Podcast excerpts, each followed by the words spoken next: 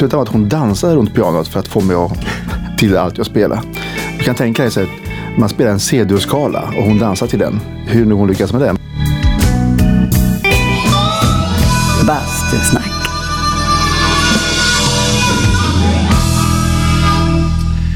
Hej och välkommen till avsnitt 60. Ja, 60 av Bastusnack. Denna gång får jag besök av mannen, myten, legenden, saxofonisten Wojtek Goral som har många stories på lager. Men innan vi går över till bastun så vill jag bara berätta att Bastusnack sponsras av Tylö Helo Bastu. På tylö.se så kan du hitta allt du behöver för att bygga den ultimata bastun. Eller om du hellre vill det, det lilla basturummet som ryms i din klädkammare. Variationerna är oändliga. Hos Tylöhelo hittar du ett rikt utbud av bastuprodukter. Surfa in på tylö.se och shoppa loss. Ja, själv har jag ju ett eh, uh, Tylösens Sport bastuaggregat som jag är grymt nöjd med. Det blir varmt på ett kick så det är lätt att spontanbasta när andan faller på och det gör den ju. Surfa in på tylö.se och läs mer. Bastusnack har en egen sida på Facebook. Där kan du gå in och skriva vad du tycker om podden eller se lite bilder eller annat skräp som jag lägger upp ibland. Prenumerera gärna på Bastusnack också i din poddapp så missar du inga avsnitt. Vi finns överallt, även på Spotify. Saxofonisten Wojtek Goral har, hur klyschigt det än låter, nog faktiskt jobbat med snudd på alla svenska artister. Ja, Okej, okay, inte alla, men galet många i alla fall. Och en hel del utländska också. Just nu jobbar vi faktiskt tillsammans i eh, Sanna Nilsens show på Hamburger Börs. En grym show för övrigt. Skynda er och eh, kom och titta på den. Så får ni se vad Vojtan kan också live. Andra som hörs i det här snacket är, här var är flygplanet, fåglarna och en hund som skäller. Men det bidrar bara till naturkänslan tycker jag. Nej, nog snackat. Över till bastun.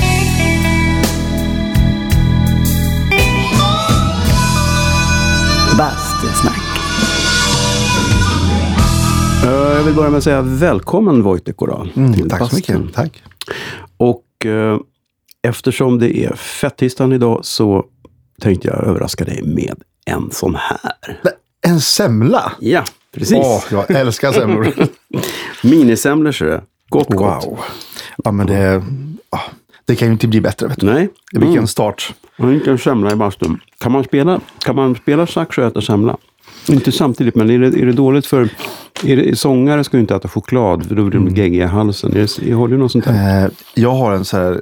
Alltså, det går inte att äta någonting innan man ska spela egentligen. Alltså, som kan fastna. Eh, knäckebröd inte att rekommendera. Eh, jag spelar ju oboe också, du vet, som ett mm. som instrument. Och det är väldigt känsligt. Och jag har varit med om det en gång. Lite oboe-solo som ska framföras. Och eh, jag hade käkat knäckebrödmacka innan. Och det fastnade och det kom inte en ton. Det lät bara... Mm. Allt som kom var... Mm. I det lilla... För att det fastnade i det lilla dubbelröret. Ja, liksom. ja, ja. Så att Aj. efter det så har jag varit väldigt noga med att faktiskt eh, dricka mycket vatten innan spelningarna och framförallt eh, inte äta knäckebröd. Nej. Yoghurt på sin höjd alltså. Ja, det alltså, du kan ju dricka precis vad som helst i princip. Ja, ja, ja. Eh. Och det gör ju oftast jazzmusiker. ja, ja, de gör ju det. uh, faktiskt. Uh, men ja. Utom Coltrane, han tog ju sprutor. Ja, han var, han var lite hårdare faktiskt. Men det var kanske för att det inte skulle fastna i röret? Ja, det var ju säkert avgörande i beslutet att inte stoppa något i munnen. Uh, ja, men Coltrane var ju han, han hade faktiskt under lång tid eh, lite ångest över att han både druckit mycket och tagit droger. Mm. Och sen övade han jättemycket när han blev clean. Liksom. Så. Satsade han jättemycket på övning. Så vad jag har hört i alla fall. Mm. så Miles Davis var så här, men ska jag inte komma ner nu efter giget? Liksom? Varför åker du till hotellet direkt? Han gick direkt på rummet och började öva mm. efter konserterna. Ja men kom igen, tjejerna är här liksom. Killarna, polarna är här liksom. Nej, nej, nej, nej. Han stannade kvar på rummet, övade varje kväll. För han ville ta igen allt det han har missat. Mm, när han inte var nykter. Då. Det är inte det att det blir liksom en, en, ett beroende går över i ett annat? Jo, det tror jag absolut. Eh, Men det, kan, det finns ju bra, kanske bättre är än andra. men du är också övningsknarkare ju. Alltså inte att du Ja. tränar på att knarka utan att du övar väldigt mycket. Alltså, jag bara precisera. Poetiker, inte narkoman. Nej, det är jag inte. Eh, det är så här att eh, eh, övningen för mig blev, har blivit eh, ett sätt att slappna av, få faktiskt egen tid. För det är ingen som orkar sitta bredvid. Nej, men jag tycker det är underbart att få den tiden. Liksom. Så jag försöker öva varje dag några timmar. Men kör du då liksom eh, någon sorts schema och skalor och teknik eller, eller jammar du bara? Eh, jag har ett litet eh, schema Mm. som, jag, som jag börjar med varje gång. Men den tar kanske en halvtimme, en timme. Mm. Beroende på hur, vilken form jag känner mig i. Alltså. Men sen så, allt från att lyssna på planka andra säger, alltså lyssna på Mm. Coltrane, som jag faktiskt lyssnar på än idag lika mycket Mm. som när jag var 14. Eh, och Miles och Canon Bradley. Och faktiskt kolla in vad de gör, Mm. hur de gör det. Det är fortfarande, tycker jag, lika eh, spännande och Mm. kul. Och de är ju, det är ju fantastiska genier som man, de har så mycket att lära. Men, men kom det, var din, är din inspiration, eh, kom den därifrån från början eller var det någon annan musik som var grejen när du började spela? Alltså, jag började spela med, alltså, det var ju klassisk musik från början. Eh, piano. Mm. Eh, eh, du vet, jag växte upp i Polen Mm. eh, och jag kom till Sverige när jag var 12. Så då gick jag på en sån skola där som, som var inriktad på, på musik. I Polen Eh, alltså? ja. Jaha, redan vid den Eh, åldern alltså? Ja, jag började, jag gick inte, vänta, jag gick i vanlig skola, ettan, tvåan. Och Mm. sen i trean så sökte jag till den här skolan. Och kom in där. Mm. Ja, ja, men det här var ju innan muren föll. Då var det en liten annan, var det sån, Mm. som liksom, eh, vi ska skola våra medborgare till goda musiker? Eller var det en... Ja, jag, jag vet inte, för som barn så är man Nej. inte medveten Nej. om, om hur det skulle kunna vara annorlunda. Eller om det skulle kunna Nej. vara annorlunda. Så jag vet inte riktigt hur, men det var, det var säkert en... Det kanske inte har med det att göra i och för sig. Nej. För att jag tänkte på, det, de skolorna finns ju kvar. Ja, ja. ja för vi har ju inte Eh. den, nu har ju vi sista, det är ju en ganska ny grej i Sverige att Mm. det har kommit det här att man kan börja gå på Kulturama och vad det nu är. När man är. Förut var det väl på sin höjd på högstadiet på två skolor i Ja. Stockholm. Liksom. Nej, men det, det som finns i Sverige det är den kommunala musikskolan Ja. som är fantastisk. Ja. Och. Som har fostrat eh, många och eh, jag måste säga det där mötte jag första gången lärarna som, eh, som var liksom, omtänksamma, snälla och Mm. hade liksom en annan inriktning att man ska ha kul. Ja, ja. Det, när jag gick i Polen så var det ja. inte kul. Utan där skulle man spela annars. Man fick en, man fick liksom, jag fick spela in två års material. För att söka i trean så fick jag ju ta igen ettan, tvåan. Allt de hade gjort på två år. Och spela upp alltihopa i, i, princip. Och du var liksom nio år? Ja, nio år. ja. Ja, men nu ska man ju också tillägga att Mm. din pappa var musiker också. I- så att du hade ju lite... musiker. Mamma också eller? Mamma var inte musiker, Nej. men hon var eh, väldigt duktig på eh, faktiskt eh, motivera mig. Mm. För att jag ville inte öva som sju, åttaåring när de andra spelade fotboll. Det är klart, det är ju ingen som vill. Eh, så mamma eh, slutade med att hon dansade runt pianot för att få mig att, till allt jag spelar. Du kan tänka dig så att man spelar en C-dur-skala och hon dansar till den. Hur nu hon lyckas med det. Men, eh, Ja, det är kärlek. och pappa var på turné i princip hela min uppväxt. Eh, han var ju hemma då och då. Lyssnade igenom, tyckte att det lät sådär och sen åkte han iväg. igen. Tufft. Så att, eh, Ja, ja. Nej, men han, var, han var en sköning. Alltså. Jag, jag, det var ju perioder när, pappa, när jag såg pappa mer på tv eh, än hemma. Mm. För att han var ju borta jämt och sa, ja men det är pappa på tv, han har fått långt hår. Ja. Så det var ju så när jag Men han, spelade han också sax eller? Eh, Han spelade, han var ju flytist, skolad flytist. Mm. Eh, Bra pianist också, sångare och så här. Men saxofon som biinstrument. Men det var ju det som gällde i popmusiken. För han var ju klassiskt skolad, men en bra arrangör och fick jobb helt enkelt som kapellmästare. Eh, lite som, vad ska man säga, Anders Berglund, om man ska ha motsvarighet. Mm. Och eh, på den tiden han började spela så fick man inte ens spela eh, låtar med engelsk text. Eh, så när de var på turné i Ryssland till exempel så fick de ju sjunga på ryska eller polska. Och de smög in Beatles-låtar. Ja. Pappa älskade det. Eh, Fast Fan vad subversivt. ja, på polska. ja. Alltså. Så att, eh, Åh, det vill man ju bara höra. Finns det inspelat? Nej, det, det, jag, jag har aldrig hört någonting av det. Så jag, jag vet bara liksom att, eh, varför han berättade överhuvudtaget, varför jag frågade hur det var på den tiden. Mm. Och han sa att de hade repat in en hel show, en turné med en annan artist eh, än den han brukar jobba med i vanliga fall. Och när de skulle sen göra sista, vad ska man säga, alltså genrepet. Då var alltså politiker inbjudna för att avgöra om de fick åka på turné. Oh. Och då var det en låt på engelska och då stektes hela showen. De fick inte åka på turné. För att det var propaganda.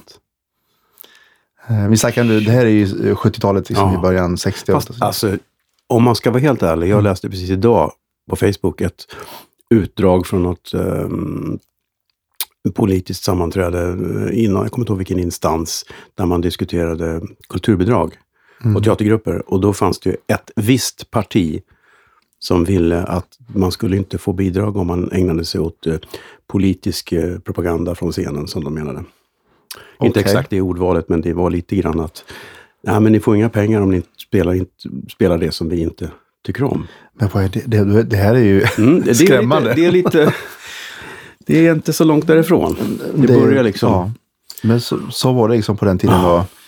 Eh, som sagt, som barn så eh, vi, vi bodde ganska centralt i, i Łódź. Mm. Eh, jag vet inte om du känner till staden?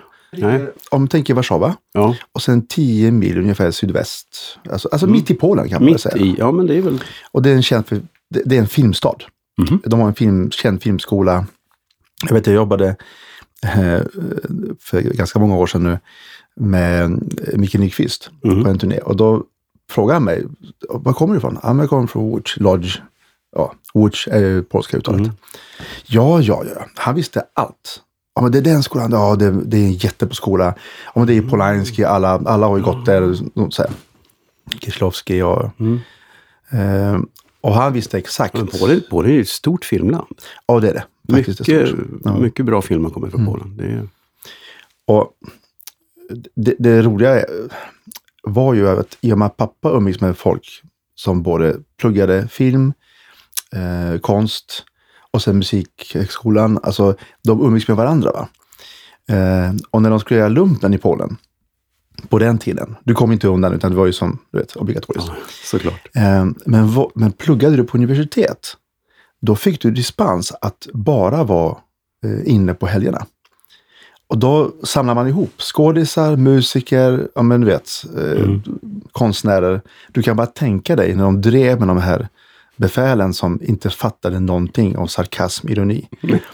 Eh, till exempel vid ett tillfälle så, ett befäl sa till hela den gruppen, det var så här 40 pers. Nu går ni och hämtar era uniformer.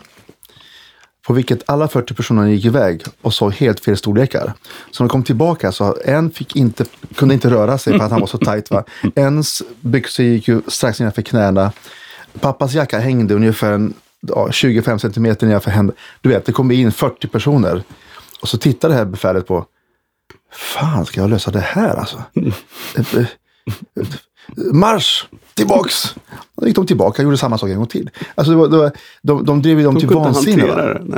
Nej. Eh, och de visste, de hade liksom, du vet, i ett sånt här, det samhälle som det var på den tiden som, det fanns liksom, självklart så fanns det mycket sarkasm, ironi, Mm. komiker som, som fick Och Det egentligen, frodas ju som bäst under förtryck. ja, Mm. det du inte fick blev ju det Nej, absolut hippaste att göra. Såklart. Eh, Så det fanns ju mycket underground och det var därför som jazzen, tror jag, mycket därför blev så stark. Ett starkt medel att, Mm. att visa sin åsikt eh, faktiskt. Eh, och pappa blev ju också kompis med många av dåvarande kända jazzmusiker som, som senare kom faktiskt på besök till oss i, i Sverige. Mhm. Så det var ju jättekul som 12-åring sen vi flyttade hit 12-13. Få träffa faktiskt folk som faktiskt har lirat med Miles Davis och lirat med Herbie Hancock och Benson och alla de stora, mina stora idoler. Mm. Och så var de i lilla Rydal utanför Borås. Kom dit för att spela tennis, för Sverige var ju tennislandet nummer ett. Bodde de i New York och även Warszawa, så bara träffades Coolt. alla i lilla byn. Och så jammades det på nätterna. Ja, vad coolt. Så det var så jag växte upp. Och det var där jazzen smittade mig. Fattar. Men var det, kom ni till Sverige för att din farsa ville spela Beatles? Eller? Eh, dels det. Mm. Eh, men alltså det var ju mycket, eh, vad ska man säga? Mamma jobb, hade väldigt bra jobb. Eh, pappa var borta jämt. Också jag som gick på den här skolan då. Eh, och saknade min pappa. Eh, och om han åkte utomlands och spelade en månad. You name it. Norge, Sverige, England. var det- För det fick de åka ibland. Mhm. Den månadslönen räckte för att han kunde vara hemma ett halvår och ta det lugnt. Mm. Det var, det var så otroligt stor, alltså stor skillnad rent ekonomiskt att faktiskt komma iväg. Så det, det var så det började. Att han lockades faktiskt med att okej, åker vi iväg, eh, tjänar dollar Mm. och kommer hem, växlar in det. Du vet ju du också, du har ju varit i Östeuropa själv. Eh, då levde du ju livet. Precis. Det som inte var bra var att man såg ju aldrig honom. Eh, han var alltså borta ibland två, tre, fyra månader. Eh, Men Det är ju asjobbigt när man är när liten. man är så liten, Ja, när man är tre, fyra år gammal, fyra, fem. Eller egentligen när som helst är det jobbigt. Och det vet ju vi som, vi skulle aldrig göra det mot våra barn idag. Eh, så att äktenskapet kändes väl för mamma då att ska det vara så här, då är frågan om vi ska fortsätta. Så att räddningen var att flytta till eh, Sverige, för pappa pratade väldigt gott om Sverige. Han tyckte det var ett fantastiskt land. Mm. Han hade varit här flera gånger. Och vi hade också varit här på semester. Men det var inga problem att få flytta och, och lämna landet då? Eller? Alltså, Det var inte lika strängt att som lämna Sovjet? landet var, var ett problem. Alltså man fick inte säga det. Nej. Eh, Du kunde inte ha dubbla medborgarskap. Utan då fick du avsäga dig. Så det var inte okej. Men däremot så fick han, alltså jag har inte riktigt förstått hur, varför, men, men förklaringen till varför vi kunde resa överhuvudtaget var att han jobbade i Sverige och i Polen och betalade skatt till båda länderna. Det var ju en bra affär också för, eh, för Polen att ha Utländsk valuta? Ja, ha musiker som åker iväg. Mm. Jag vet jag är faktiskt osäker. Men vi fick åka iväg i alla fall och hälsa på honom, vilket inte var vanligt. Ehm, min mamma, eh, när hon, man fick ju ansöka om sitt pass. Du, du hade inte passet Nej, hemma. När mamma gick iväg och ansökte om pass första gången eh, så satt hon med en, en polis i ett rum. Och han sa, ja, alltså pass det kan vi ju lösa, men eh, vad gör du ikväll? Om Ah. du kan tänka dig hjälpa mig med en sak här så kanske vi kan ordna passet. Jesus. Och som tur var så kom hans sekreterare in. Och då fick han skärpa till sig för då vittne vill de inte ha. Va? Så att när, han, när hon kom in eh, så fick mamma passet. Mm. På något sätt. Hon började prata högt om, vad menar du? Ja men du, vi ordnar det här. Eh, men det var ju som, du vet, folk utnyttjade situationen, de, de betedde sig illa. Eh, men jag är total, eller var totalt förskonad från allt det där. Som barn, Nej, man märker ju inte så. jag märkte inte det. Det här har jag bara fått berättat efteråt eh, i vuxen ålder att jag varit nyfiken på Mm. och frågat mina föräldrar.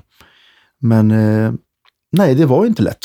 Men din grej var väl i så fall, din utmaning var väl när du kommer till Sverige som 12-åring och inte kan Mm. svenska?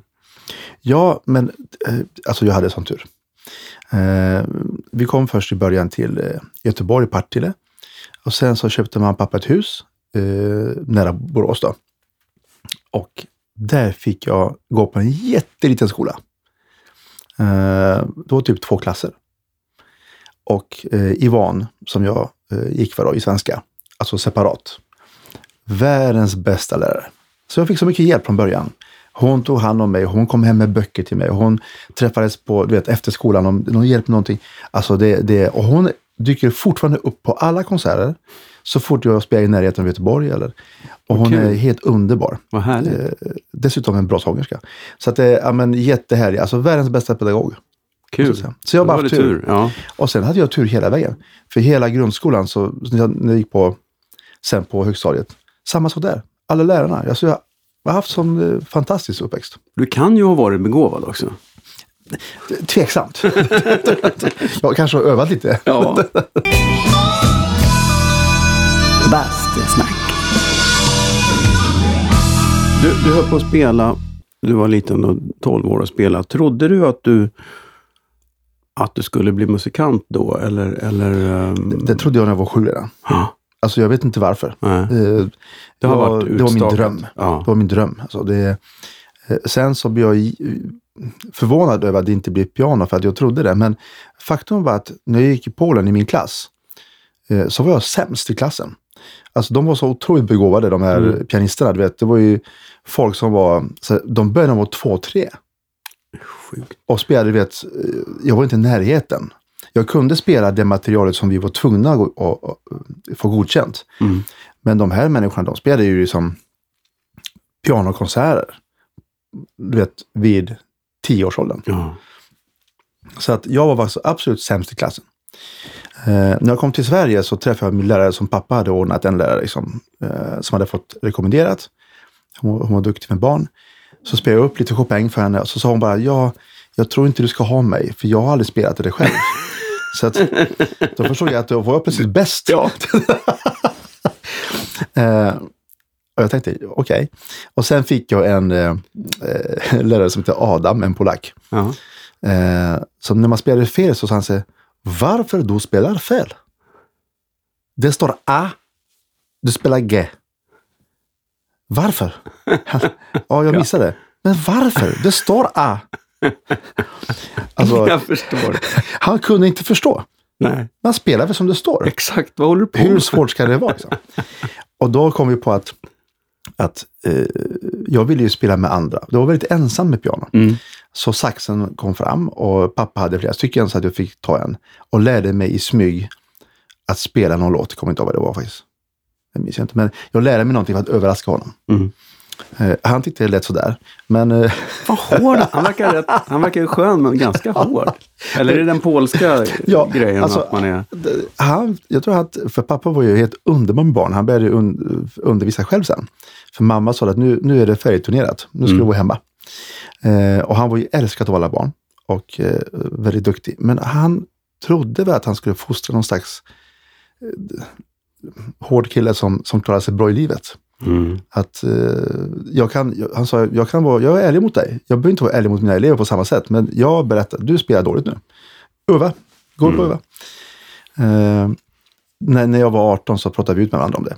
Och pappa grät och bad om ursäkt för att han inte, inte kunde se att det där var inte bästa Ja, men sättet. han kom ju också från den kulturen där, Ja. alltså, eh, det är inte så konstigt att de andra var bättre än du i skolan för att de hade förmodligen föräldrar som var ännu tuffare. Ja, jag kan tänka mig det.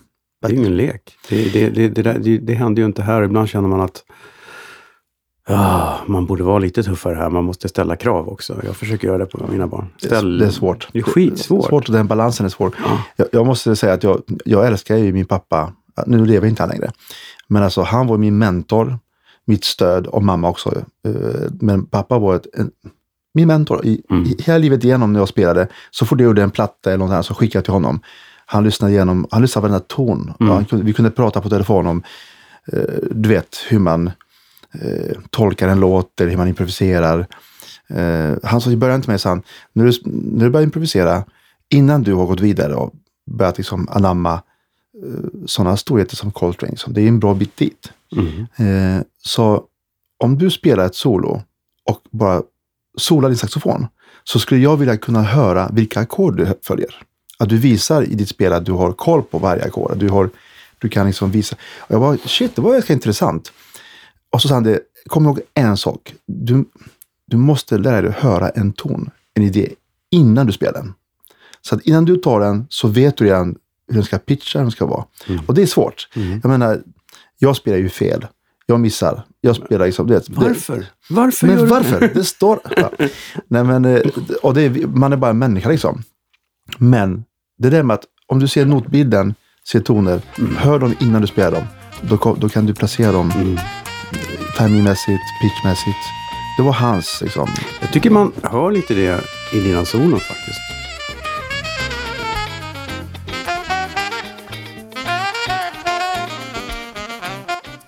När, jag, nu när man tänker tillbaks. Just det här att man hör vilket ackord det är.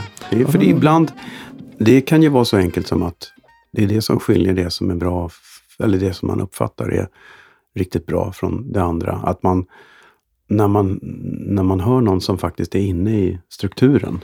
Jag försöker. Så är det, det, tackar men du har ju också en väldigt, väldigt hög ribba. För det är ju ofta du kommer efter gig och säger ah, det var inte bra idag. Och så var det skitbra. Men det är väldigt sällan du säger idag fick jag till det. Mm. Det måste vara den här gamla polska Ja, piskan. det hände ju en gång nu med Sanna faktiskt i alla Ja. fall. Att jag var nöjd. Ja, en gång, det är bra. Ja, jag, jag tycker du spelar jävla bra. Ja. Det är många som Tack snälla det. David alltså. Det, Jag tycker det, är- det är så kul för att jag har insåg ju nu plötsligt, för vi har ju inte, det är så, vi har känt varandra väldigt länge, men vi har, jag tror inte vi har jobbat ihop förrän nu med Sanna. Och jag har alltid sett dig som den här nya killen, så här young boy. och så har man ju sett, när folk pratar om det, så man, men han är ju en av de här, ja ja, det har ju gått 25 år. Nu är han en av de här som folk säger, wow, det är Wojtek. Man bara, för mig är det så här, ja men det är Wojtan, han lilla killen. Och att det är han ju inte längre. alltså, jag, jag, jag, jag minns ju när vi träffades Ja, eh, första gången. Ja, Det, ja. den kvällen på börsen. Ja, ja. eh, ja, det var i baren va? Mm, jag Eh, minns det också. Jag var faktiskt på turné med, eh, eh, detta var 1990. Mm, stämmer. Och jag var på turné med Claes Malmberg, Mm. eh, Ronny Jönsson. Eh, och det var, alltså jag, jag, egentligen så skulle jag eh, berätta hur jag träffade Claes för att jag hade liksom ingen, jag hade faktiskt ingen koll på vem det var. När jag fick jobbet eh, av Micke Lindberg, en, en, en kille i Göteborg som hade ett band som jag brukade spela med. Han var kapellmästare för Ronny Jönsson. Mm. Men Jag visste varken vem Ronny Jönsson var, jag visste inte vem Claes Malmberg var heller. Jag var ju, du vet, man var 19-20 år gammal Mm. och jag lyssnade in, kanske inte just då, hade ingen koll på komiker, hade ingen Nej. koll på skådisar. Jag var inne i en annan grej. Så. Och kommer till första repet och så står någon i och skriker till. Och jag tänkte, shit, och det var en ganska lång turné Ja. och välbetald då, vet. För en youngboy som jag var det ju drömmen. Uh, vet, jag försummade ju musikhögskolan liksom, Ja, ja, ja. för den här turnén. Åkte iväg och hade ju världens roligaste tid. Det som också var kul att han introducerade mig till Totta Näslund. Ah, Och eh, innan det är 90, Ja, alltså, då, då, då var det så att, eller det var ni- 90 var det faktiskt. så tidigt. Ja. ja. Eh, 1990, ja, det var samma turné.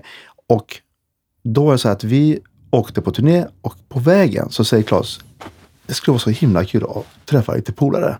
Nicke Ström och Totta Näslund och så framförallt Bengan Blomgren. Du måste få lyssna på Bengan alltså. Och så var Lasse Welander med i bandet också. Du, Han sa massa namn som jag visste, de visste jag exakt vilka det var. Mm. För att i Göteborg så var ju Totta the shit. Mm. Liksom. Mm.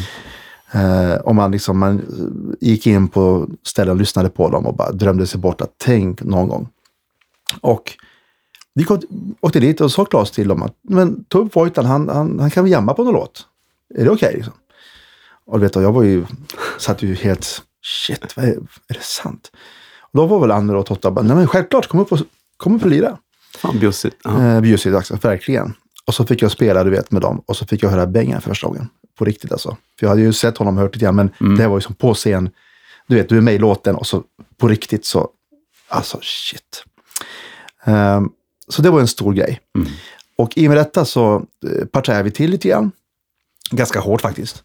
Eh, så att Det var de... väl lite en tradition i det gänget. Ja, jag hade väldigt trevligt. Ja. Eh, ja, men det blev drinkar och skön. Man sitter du vet, och pratar till fem, sex på morgonen, stories. Du har gjort det här, du vet ju hur det funkar. Och man sitter där och bara lyssnar på de här gamla rävarna. Liksom, och, ehm, och då säger Claes plötsligt mitt i snacket så här, ja, by the way så jag har hyrt på en helikopter för att vi hinner inte åka till Hultsfred imorgon. Vi ska spela på Hultsfredsfestivalen med, med Claes. Och jag skrev av med Tottas band också. Så jag hyrde en helikopter eh, så, som hämtade oss imorgon. Och vi hade ju druckit en del så att vi tänkte, ja, det är jättekul Claes att du har sådana idéer. Men på morgonen stod en helikopter där. Eh, så vi flög över till, till Hultsfred, gjorde gigget och då hade, var ju Tottas komp med. Liksom. Eh, sen var det lite gäster sådär.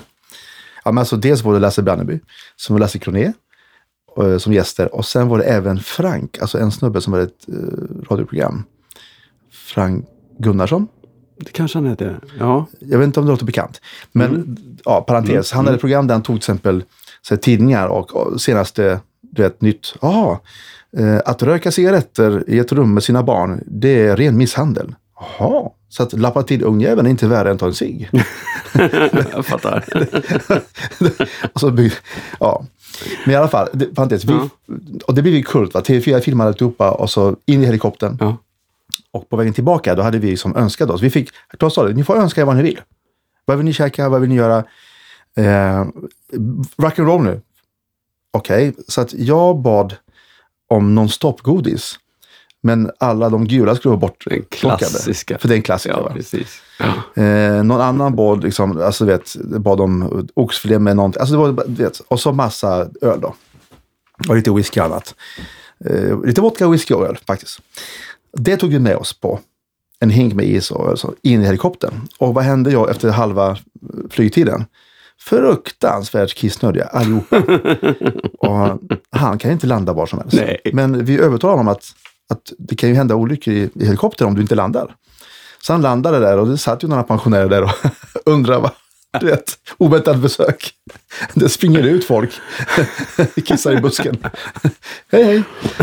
Eh, och så åkte vi till, tillbaka till Lysekil och eh, fortsatte då och kul och spela. Så, Var det när de hade hotellet där eller?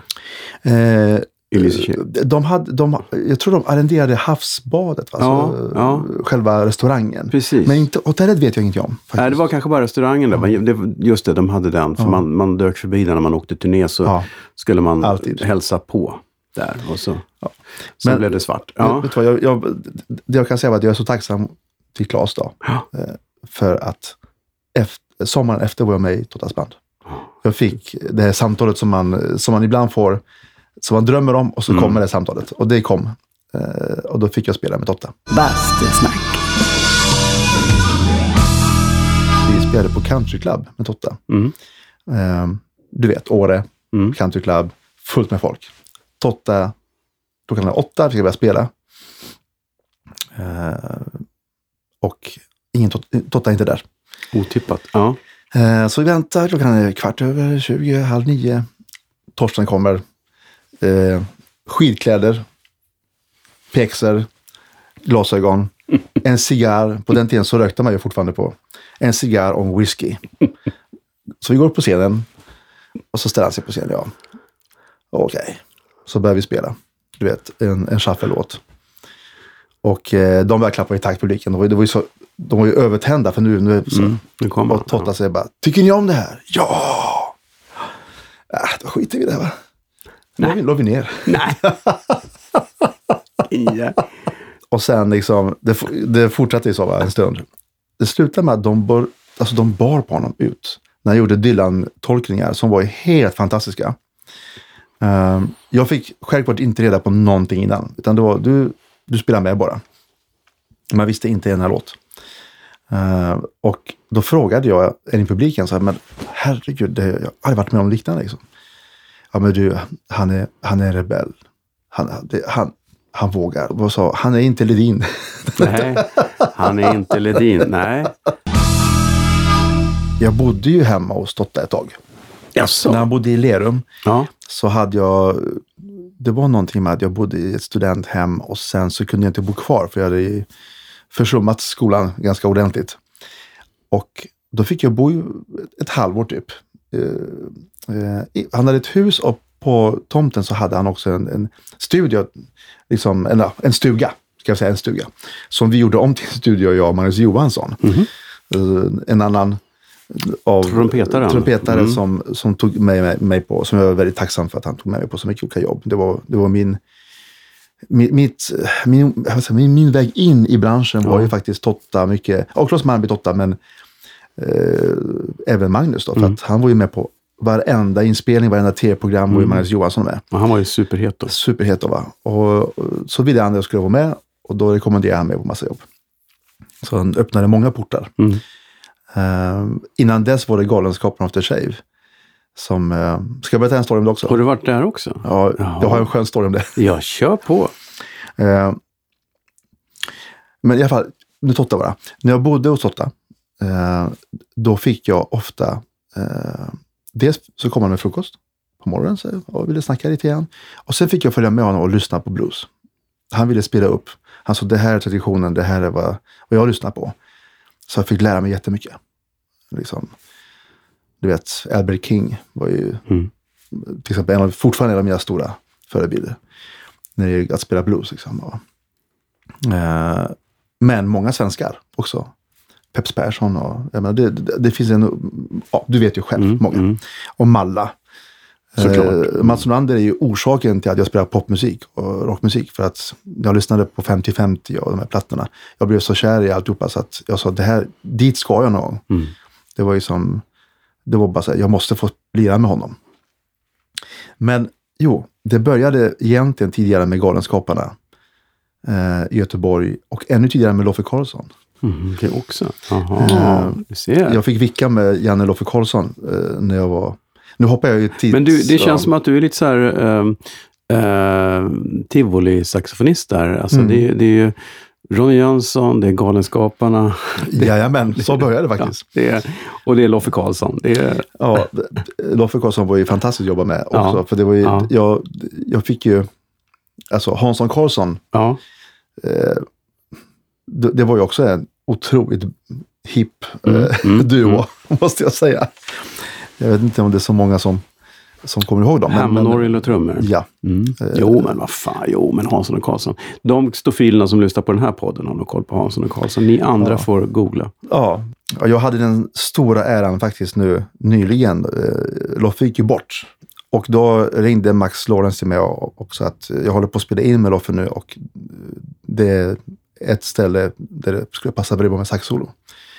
Eh, Så jag spelade in saxsolo liksom och sen fick jag höra att den låten spelades på hans begravning. Mm. För då hade Åke Sundqvist varit där, en trummis. Mm. Eh, som också är en god vän. Och han sa, det är, det Vojtan som lirar? Frågade han. Så att, eh, det, det var så här, man vet, Det är från- fint. Ja. fint alltså. Jag tycker han var en väldigt fin kille och Mm. otroligt snäll att jobba med. Mm. Eh, men efter det, i alla fall.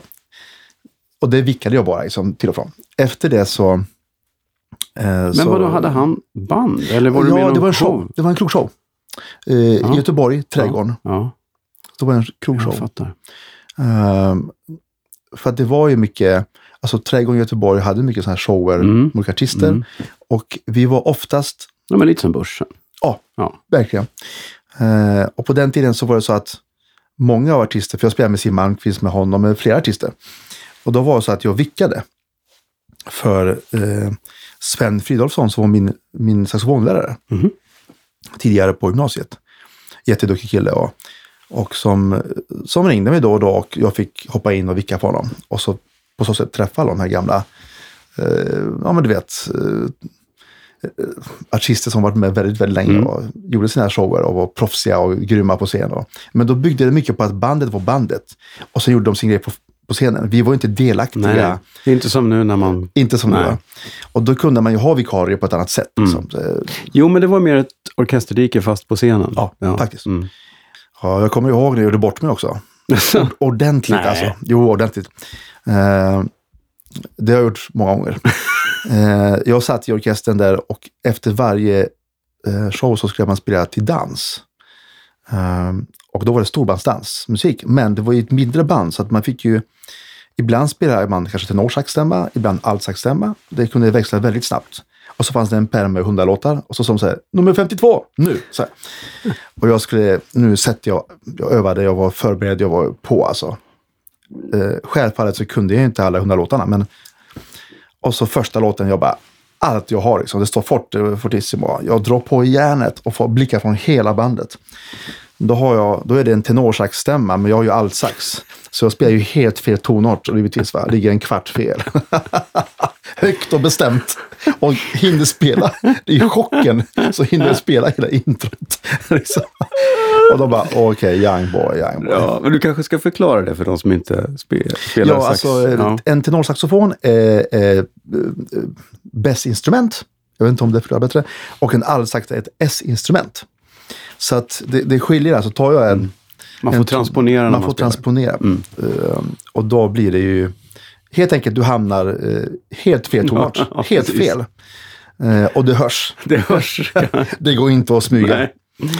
Men Galenskaparna gjorde också bort mig fullständigt. Eh, och jag fick alltid behålla jobben ändå. Men alltså, jag fick ett samtal från Galenskaparna och då var det två frågor. Kan du göra, vara med på en show som heter Grisen i säcken? Som var en stor framgång, showen. Mhm. Den, eh, bara att skriva en parodilåt på dansband och ligga 17 veckor på Svensktoppen är ju en bedrift i sig. Mm. Eh, men kan du spela klarnett? Jajamensan, jag hade inte ens en klarnett. Eh, kan du spela flöjt? Mm, absolut, jag hade en flöjt och kunde väl hålla i den typ. För jag spelade ju bara saxofon på den tiden. Eh, och sen så repade vi nio och så var det datum. Och eh, då var det telefonsvarare på den tiden. Så jag ringde upp och svarade, ja jag kommer. Det datumet, den dagen, jag kommer inte ihåg vad det var, eh, klockan nio. Ja, nio, absolut. Och jag kom dit eh, och alla är skitsura. Alltså inte, inte Galenskaparna för var inte det, men bandet och kapellmästaren. Eh, för jag kom dit nio på kvällen. Alltså jag, jag, jag, jag trodde, jag trodde att... jag, Jazzmusiker för helvete. Jag- jag tänkte- Du visste inte att det fanns ett nio på morgonen. Nej, så jag, först, jag trodde inte att nio på morgonen kan väl inte vara sant. Nej, det alltså, det måste vara på kvällen. Det måste vara kvällsrep.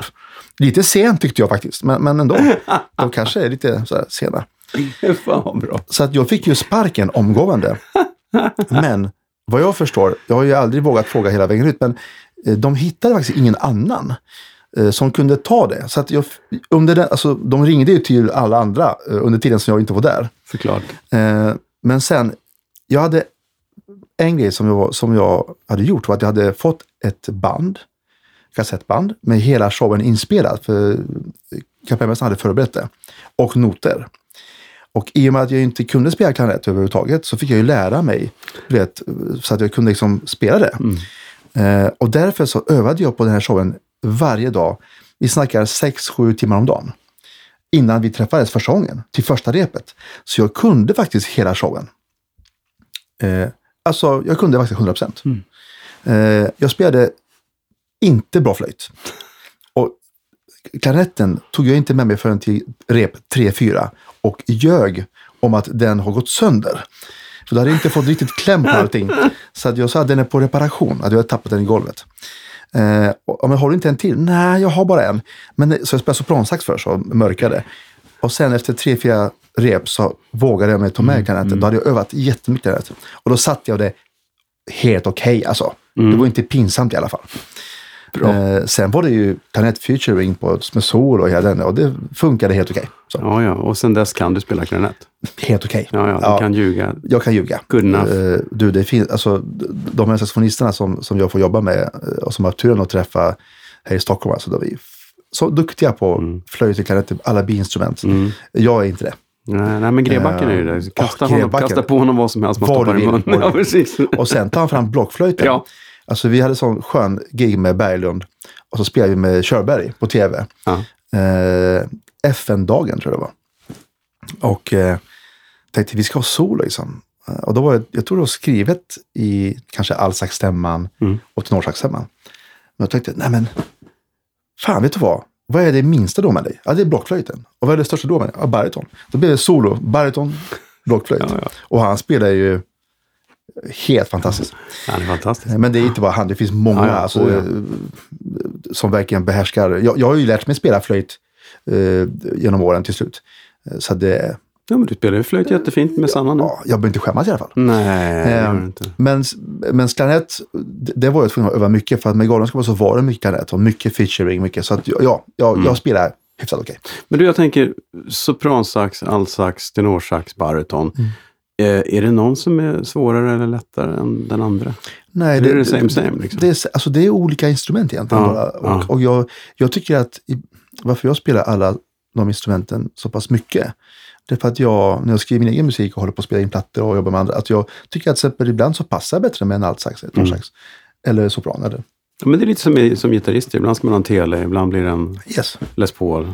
För det, Ja, sen är det ju att jag älskar verkligen uh, lira saxofon Mm. eh, och tycker att sopran har sitt, eh, sitt sound, sitt språk. Jag spelar ju annorlunda på en altsax. mm. Så det, är- det är också kul att ha den möjligheten. Som du säger, man tar fram olika gitarrer, Ja. man tar olika saxar. men ibland är det, finns ingenting som kan vara så jävla fel som en sopransax. Ja, Alltså vet. på fel ställen. Det är, så, det, är en, det är ett helt fantastiskt instrument i vissa Mm. lägen. Men i vissa band ibland så är det såna gamla proggband sopran. Mm. Det låter så illa va? Det har flöjt också faktiskt. Ja, jo, jo. jo, Ibland. jo. Men det känns som att en baritonsax låter aldrig illa. Det är, det är liksom coolt. Ly- lyckas, man, lyckas man med att låta illa på en barytonsax på det sättet, så, Ja.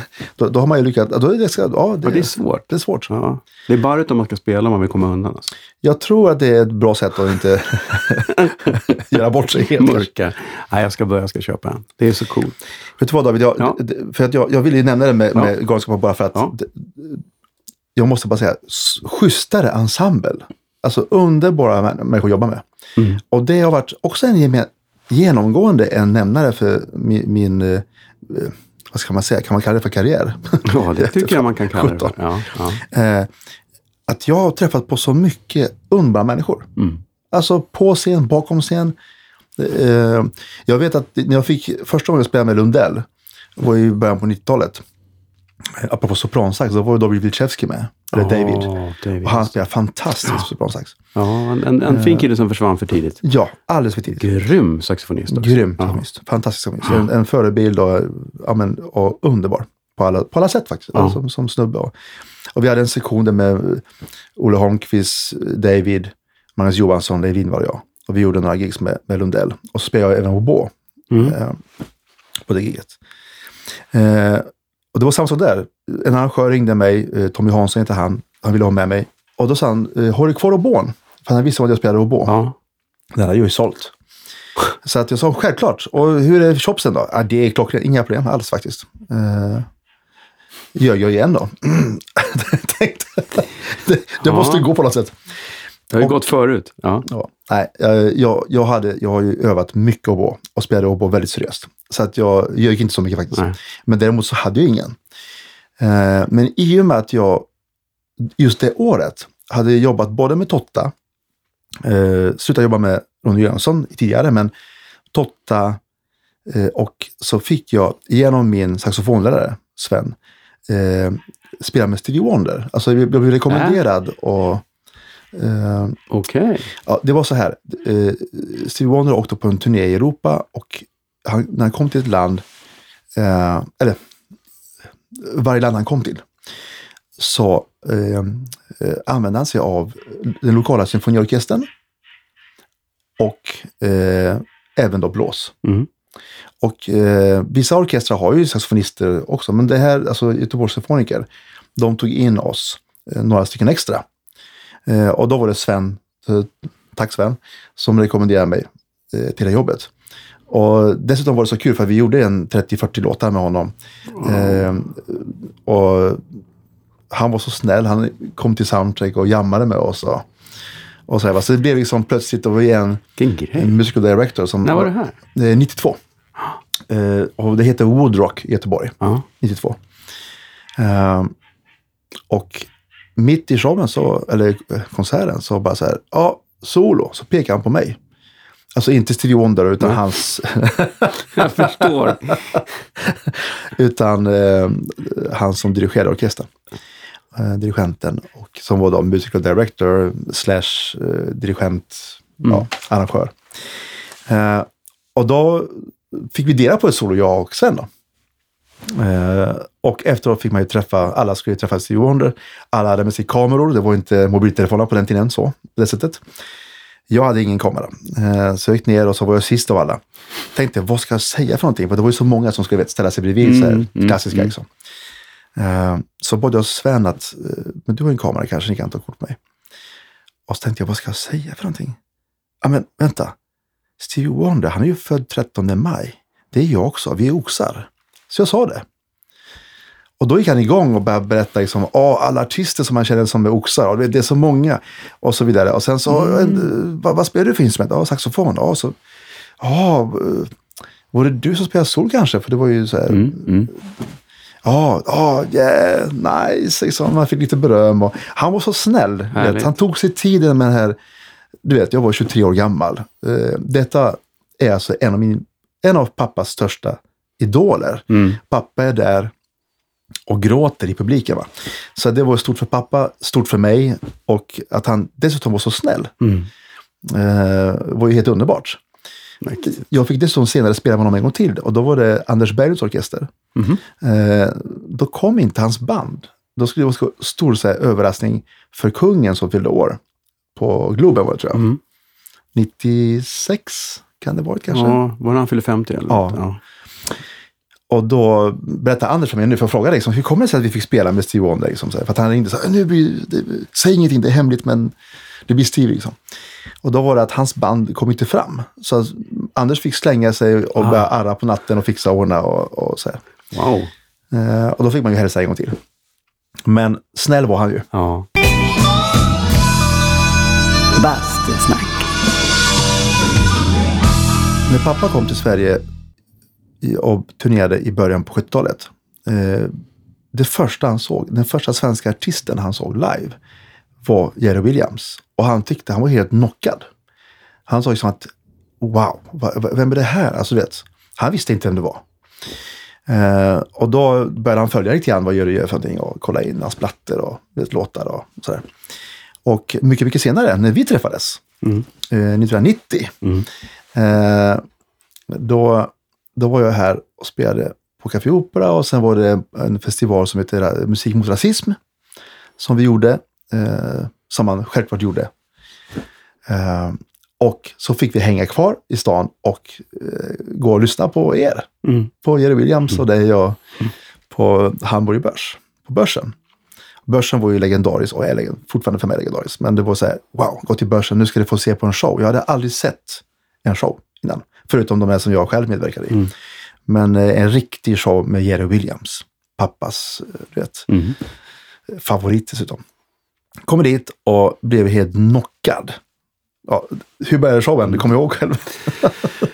Ja, men den, det var den där 90, då började den bara som en rockabilly-grej, vet jag, väldigt enkel. Och sen Mm. plötsligt så bryts det av ett buller och muller och sen så är det den här fantastiska scenen som Mm. är en vägg från början som Mm. viks ner och Japp. hela bandet är på den. Det är Yes. som ett ufo som Ja. landar.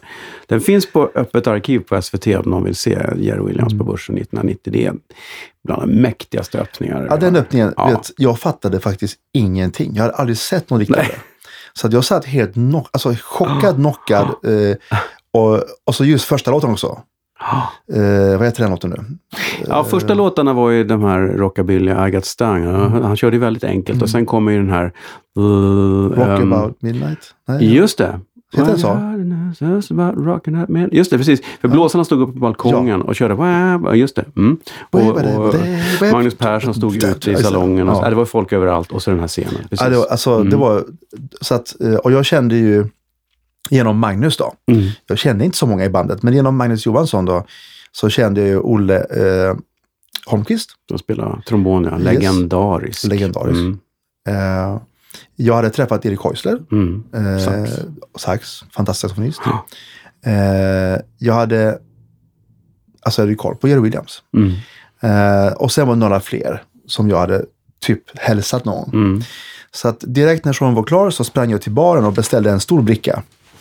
Med, med, med öl och shots. Jag minns det här så väl. Vi kommer ihåg, jag kommer ihåg att vi, vi, vi, satt ju där på lång rad allihopa, Mm. för det var väl en lördagkväll förstås. Sen kom den här Young Boy, jag visste vem du var av någon anledning, med den här brickan och började dela ut. Och så tänkte jag, han är inte klok. Tänkte Ja, Här, det, Och- min, jag. Och sen förstod du varför jag tänkte så. ja, jag förstod det mycket väl. Sen, ja. Vad var priserna på den tiden? Alltså då måste man ju säga så att en öl på krogen kostade väl 35 spänn normalt kanske. Normalt, ja. Och hos oss kostade de 82. Alltså, eller något. Så det, men vi hade ju en brutal personalrabatt så vi betalade väl kanske 25 spänn. Men Mm. du hade ju inte det. nej, Ehm, och det, det blev dyrt. Ja, det blev. Du fick jobba Ja, det länge för att betala Ja, tillbaka. men, vi, men vi hade roligt. jo, om jag går tillbaka till Lundell. Mm. Vad som hände är att jag fick spons efter det här, eh, de här giggen med Totta och lite annat och då, givetvis även Stevie Wonder och så här. Så sa Magnus till mig att, för jag ville köpa en Bariton Sax och jag hade ju spelat Yamaha innan eh, också. Så sa Magnus, men gå till Yamaha. De, på den tiden hade de sitt kontor i Göteborg. Eh, så pratade jag med Sören då, som var eh, chef på den tiden. Och eh, ja, jag fick spons. Mm. Så då fick jag en obo. Då hade jag en obo plötsligt. Eh, och den här obon gjorde faktiskt, inte bara att jag fick spela med Lundell. Jag fick också åka eh, till Stockholm och spela i olika sammanhang och till slut hamna i Anders Berglunds band. Så mitt första, min första spelning med Anders Berglund var för att jag var oboist. Jag åkte med Anders till Malmö och spelade på Melodifestivalen 95 och eh, Jan Johansen vann. Och jag fick, eh, jag fick spela med Monica Silfverstrand. Mm. Och vad hette Eh, låten? Så Nej, det var... Jag kan kolla upp det snabbt, men Nej, vi skiter i det. det, Ja. det alltså jag, jag tycker det är helt okej att ha glömt bort en låt som man gjorde. Alltså jag vet artister som inte kommer ihåg vilka låtar de har spelat. ja, alltså, det, det... är, får jag tänka en stund till så kommer jag på det. Ja. Eh, det roliga var att det var ett intro. Ja. Låten började med ett oboe-intro. Ja. Och eh, det, när introt kom, den enda personen som blev filmad i bandet, för de filmade väldigt sällan bandet, det var så här snabba svep Mm. bara. Den enda personen som hade liksom fått de här sekunderna var jag på oboe. Fint. Jo, men oboe är typ ett sånt där som bildproducenter älskar, för det ser lite roligt ut och lite kult. eh, Ja. Dessut, dessutom så, så dröjde det lite, grann, lite längre än på repet innan jag fick börja spela introt. Så att jag fick några sekunder tyst också och var bara mer och mer nervös. Jag var faktiskt fruktansvärt nervös. För att på genrepet så goofade jag. Spelade fel på stället. Eh, för du vet, man spelar ju saxar och flöjter och så byter man och så står bondet så var röret ihoptorkat plötsligt. Jag hade glömt att blöta det hela tiden. Då blev det meh igen. och med det i ryggen, Ja. om med ungefär två miljoner tittare, Ja. så, med mamma och pappa och hela släkten, så kände jag lite press. eh, Att den här låten börjar med att gå. Goofar du nu så kommer faktiskt ingen missa det. Du, kan ju som inte, du kommer inte undan.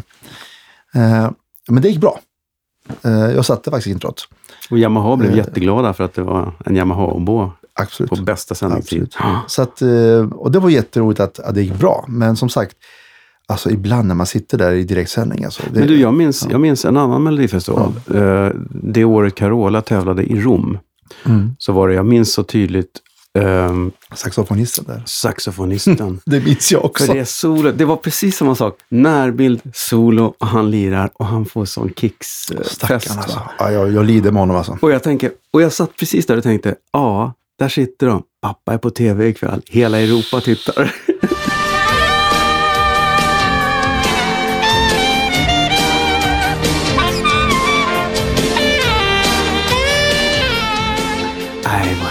hemskt. Men det kan ju hända. Men fy vad taskigt. Alltså, när man själv har spelat så in i bomben fel, Ja. eh, som jag har gjort, Mm. eh, i direktsändningar. Mm. Eh, man blir ju ödmjukare mot allt annat, för att det händer grejer.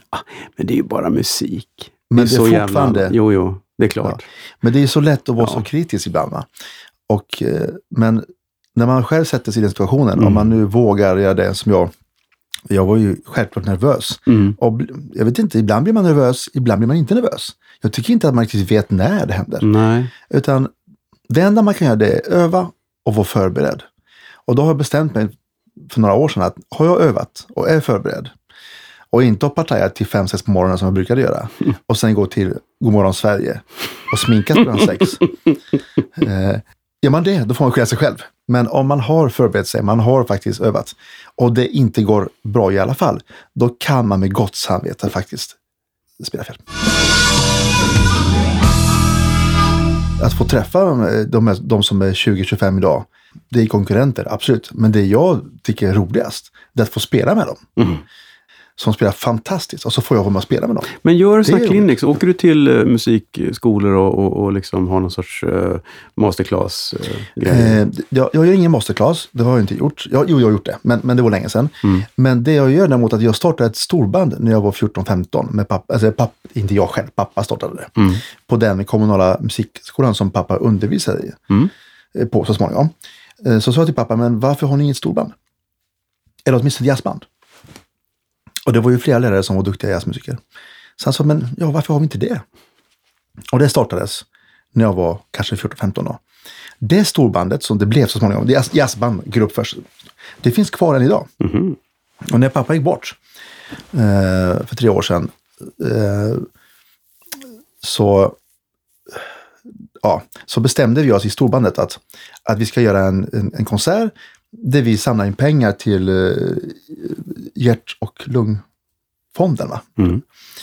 Eh, och det, alltså det var så roligt. Alltså, alla mina kompisar som bor i närheten, alltså Magnus Johansson, Marcus Obeda, eh, CM Karlsson, som jag måste prata om, alltså också om för att jag, det, det är en så nära vän, min bästa vän.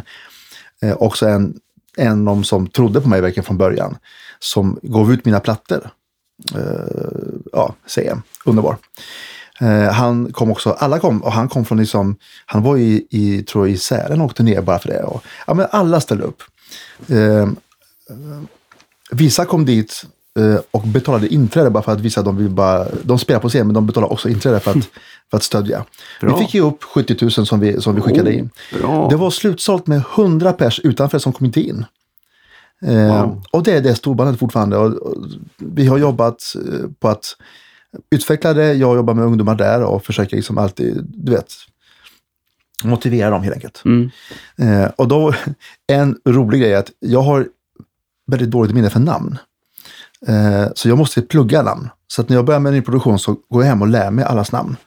Eh, och pluggar på det. För jag tycker det är så pinsamt att komma till jobbet och inte kunna namnen på alla. Eh, men jag kommer inte ihåg om jag säger bara hej och så säger Martin. Och, och sen en sekund senare så har jag glömt det. Men då har jag ett system att jag försöker lära mig det. För jag tycker det är lite respekt också att kunna prata med alla på ett ställe. Liksom. Och då, den gången, bland annat då, så lärde jag mig hela storbandets allas namn. Alla ungdomar, alla som var med. Och eh, jag vet att min fru Jenny, som stöttar mig i alla projekt, allting, och det är mig givetvis och stöttade det här. Eh, hon var ju livrädd när hon såg mig komma ut och börja babbla namn på alla. Ja, och så har vi Martin på trumpet, så har vi den på trumban. Hon vet att du inte har en aning. Men hon visste inte att jag satt och pluggade i en timme. Och satte alla faktiskt. Ja. Eh, men jag är så tacksam för att, eh, som sagt, en fru som stöttar en, det vet ju, du vet ju själv hur det är. Att man stöttar varandra. Eh, och utan det så är det ju väldigt svårt alltså.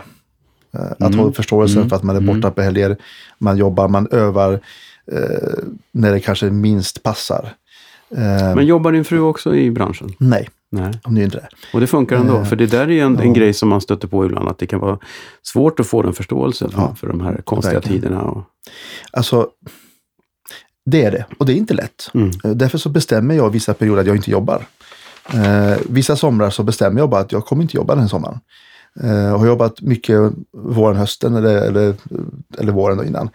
Och vet att jag har mycket till hösten. Då, då kan jag ta mig ledigt på sommaren och då gör jag det. Då får Mm. det vara så. Då får det vara att jag är hemma istället en månad. Mm. Eh, och då är vi ute i skärgården. då. men du jobbar ju, du har ju vansinnigt mycket jobb. Du jobbar ju hela tiden, om du vill. Det känns ju som att du är alltid på väg till något gig. Ja, det, det kanske ser eller ut så. Jag, jag vet inte. Men, där, eller... eh, ja, det har blivit mycket Vad som här, här om veckan när, Mm. efter gig när du, ah, jag ska på någon middag och förresten jag kanske ska spela lite och du försvinner med fyra saxar ut i natten klockan liksom halv ett. Man tänker, ja, Nej, men det, eh, jag älskar ju att spela. ja, Eh, Jag är otroligt tacksam för att jag får utöva det här yrket. Och att jag faktiskt får jobba med de bästa. För det är ju Mm. alltså det är som glädje. Sannas band och Sanna själv till exempel. Bara för att ta ett exempel. Mm. Eh, Jerry. Jag jobbade med Jerry i 17 år. Eh, och jag menar, det säger sig själv, man är inte kvar i 17 år i ett band om man inte bara nej. älskar det. Nej, inte med honom. Han skulle ju ha tagit bort det om du inte Ja. fixade det. Exakt. Och du skulle inte ha varit kvar om du inte... Exakt, så det bygger på mm. ömsesidig Mm. förtroende. Och, och, eh, men det som har... Jag och Magnus Johansson började för jätte, jättelänge sedan att spela in. Alltså vi kom på den idén att okej, eh, det är mer och mer människor som jobbar hemifrån med sina produktioner. Eh, de hyr in studios för att göra kanske komp. Sen vill de inte betala så mycket för att ta in blås. Hur löser vi det? Ja, men vi, vi har en egen studio och så spelar vi in blås. Mm. De får skicka bakgrunderna. Det var ju pop, rockmusik. Eh, I bästa fall så träffas man, alla, alla ska träffas självklart om de kan. Mm. Om det finns ekonomi för det så är det det bästa. Det är ingen snack. För så gjorde det med Jerry alltid. Mm. Där fanns det inget sånt där. Men väldigt mycket av popproduktioner, framförallt idag, eh, görs ju på det sättet. Mm. Hur kan vi bäst lösa det problemet? Ja, men då köper vi massa mikrofoner, testar, provar. Eh, på den tiden var det ADAT från början, Mm. innan vi kunde skaffa liksom, datorer som, kunde, som fungerade i sammanhanget. Eh, och det här har jag hållit på med eh, hela tiden parallellt med att spela live och, Mm. och utvecklade till att det har blivit ett, en, ja, vad ska man säga, ett yrke till på något Mm. sätt, om man Mm. kan kalla det så. Eller i alla fall en, en, eh, falang av, av eller vad ska säga, en del av, Postordersax, exakt, typ. exakt, ja, men men du exakt. gör väl mycket med, med Bylund där nere? En gammal bastusnack Ja, Mattias Bylund alltså. Ja. Yeah. Exakt, Mr Yeah. Mr Yeah. Ja. Ja. Alltså det är så roligt. Eh, Jag har ju spelat in med Mattias i många år, olika sammanhang. Eh, Han har spelat på saker jag har gjort också. Och till slut så fick han ju uppdrag av Max Martin som han jobbar med och gör, innan gjorde han eh, stråk till. Mm. I princip på allt Max Martin gör så är Mattias Bylund med. Och då fick han uppdrag att även lägga blås. Och då skapades Bylund Horns. Eh, och då får jag vara med i den. Mm. Eh, och det blev ju roliga produktioner. ja, men det är ju liksom, jag vet inte hur många låtar som ligger på Billboard. Ja, det är många som... Det är, Framförallt för Mattias som, Ja, som, ja. som har gjort eh, eh, stråk på allt. men heter inte du Bylund också på någon platta? Vi, vi, nu senast, eh, senaste inspelningen vi gjorde eh, var med eh, Ariana Grande. Mm. Bloodline heter låten. Och så häromdagen tänkte jag ska bara kolla upp liksom, om, om, om uppgifterna stämmer. Och då tittade jag på alla plattor vi har gjort hittills. Jag kollade Macy Gray som vi gjorde för inte så länge sedan och Timberlake som du vet, Ja. Justin Timberlake. Eh, allt stämde, allt var rätt. Och så kom jag till Grandes platta och kollade liksom. Då heter jag alltså jag Wojtek Bylund. Lillebrorsan. Så Mattias har fått en bror. Ja, ganska exotiskt namn i mina öron alltså. Wojtek Bylund. Det tycker jag är till ballt. Så att, nu heter jag det faktiskt ett tag framöver. Ja. Jag tycker du ska boka in dig på hotell som Wojtek Bylund. Ja, herregud. Det Han får- han får skulden för Han får allt. skulden för rubbet. Men du, eh, Timberlake där också, det var en kul eh, historia va? Mm.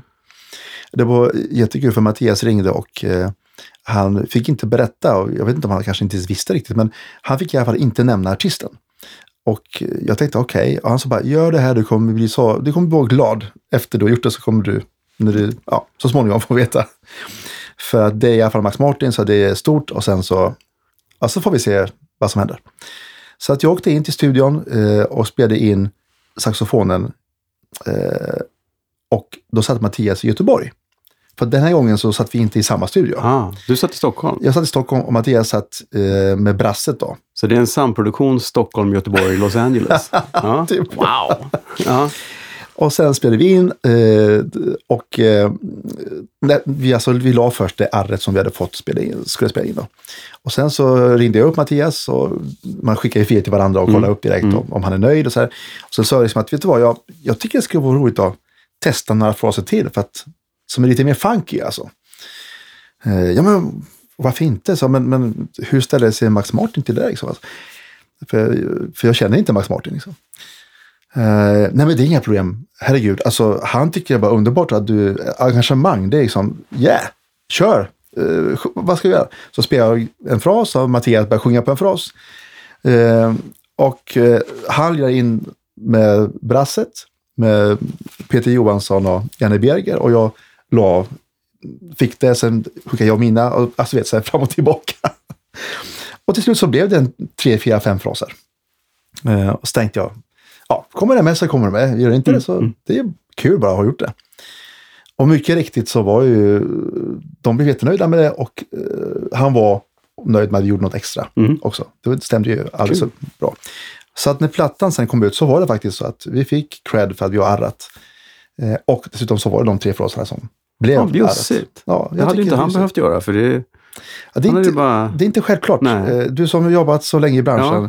Nej, nej, nej, nej, nej. det Eh, ger sig inte. Alltså folk är ja. snälla och trevliga, men när det handlar om cred som i slutändan kanske handlar om pengar också, då, ah, inte alltid. Nej, Nej. Nej det, det var fantastiskt. Då. Ja. Coolt. Eh, Så att, ja, och det var då, då berättade de också att de kunde inte berätta att det var Timberlake för att Nej. han hade inte släppt på över två år. Och då ville de ha en överraskning och att ingen skulle försäga sig. En annan grej är att vi spelade in musik. Jag tänkte på Apovinspelningar. Vi spelade in bakgrunder och alltihopa till Glee i tio Ja, års tid Just med Per det. Åström. Ja. Så det, det, det finns ju många andra producenter man jobbat med. Ja. Jag kollade bara snabbt, utan att gå igenom alla namnen, så är det ändå det är så svårt. Vi, vi kan ju inte ta upp allting. Jag, jag gjorde en kort googling och hittade liksom Avril Lavigne, Ariana Grande, Macy Gray, Michael Bolton, CeeLo Green, ja, Totta, Beck Gessle, Agneta Fältskog, Ulf Lundell, Jerry Williams och Anna Bok. Är det sant? Är det sant? Ja. Ja, bra. Roligt. Ja, det kommer jag ihåg. Ja. Bastusnack. Har du spelat med Smokey Robinson också? Ja, det, det, det är också en sån här dröm som Ja, bara det är ju fantastiskt. plötsligt händer. Ja. Eh, eh, fick samtalet från eh, Martin Persson. Martin Landström Persson.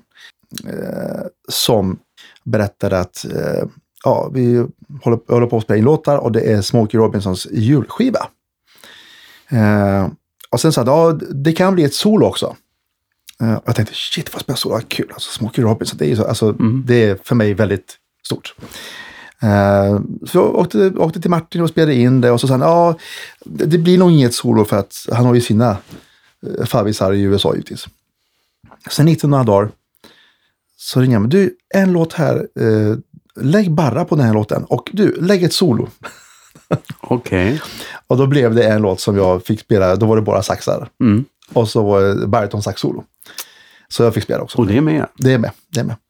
Så det, ja, det var måste jättekul man att göra. kolla. Smokey Robinsons julskiva. Mm. Ja, ja. Bastusnack.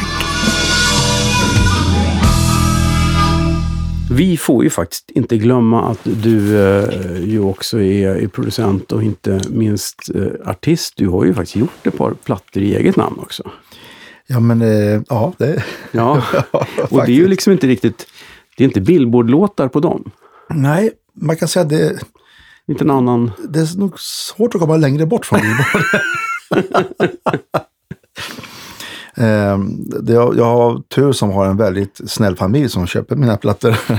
så att de säljer lite grann. Men de finns på Spotify och du får väl Absolut. ett halvt öre om man lyssnar på dem. Mm.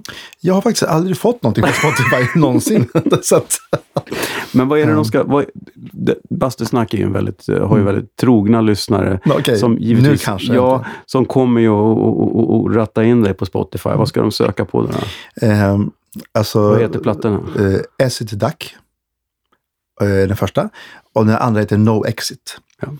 Och den första plattan var ju en, en tribute till, till jazzen som jag växte upp med. Mm. Så den börjar med ja, lite Miles, eh, Kind of Blue-känsla. Och sen blir det mer och mer modernt. Eh, och då tänkte jag, vilka skulle jag vilja ha med mig på den plattan? Då valde jag faktiskt ut de som jag tycker är eh, alltså, fantastiska musiker.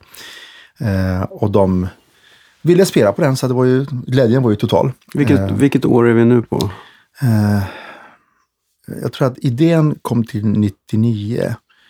Eh, 2000 någonstans där. Ja, början av Men- 2000-talet. Ja, alltså jag tror, jag tror att vi spelade in allt 99 i princip. Men jag tror att den släpptes 2001, första plattan. Mm. Eh, kanske gjorde några ads mm, 2000 också. Men, men eh, alltihopa blev ju av för att min eh, bästa vän CM, Carl-Magnus Karlsson, som startade ett skivbolag, eh, CMC Records. Han ville ge ut dem. Eh, i alla fall den första plattan och även den andra, men då visste vi inte att det skulle bli en till. Men eh, han ville ge ut dem och eh, trodde på det här.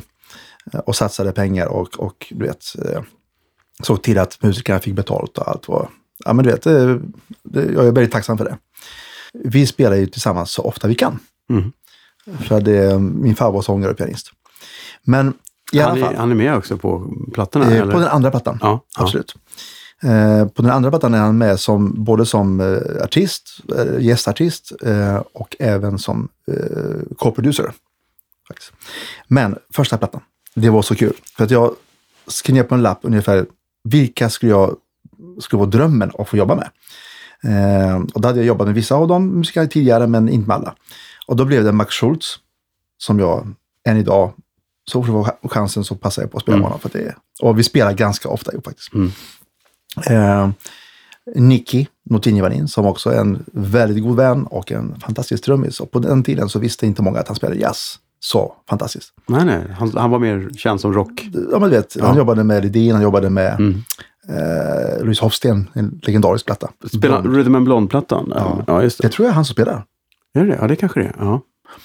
I, i alla fall. Mm. Eh, och sen bas, och då hade jag en basist som jag såg på Nefertiti massa gånger och tyckte att det var helt fantastiskt. Och det var Anders Jormin. Mm.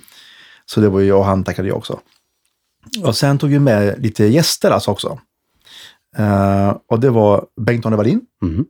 som kom dit helt vitklädd med kedjor och ringar. Och eh, han skulle lägga ett solo på en låt. Och du vet, eh, det lät så här. Man hör ring, ja.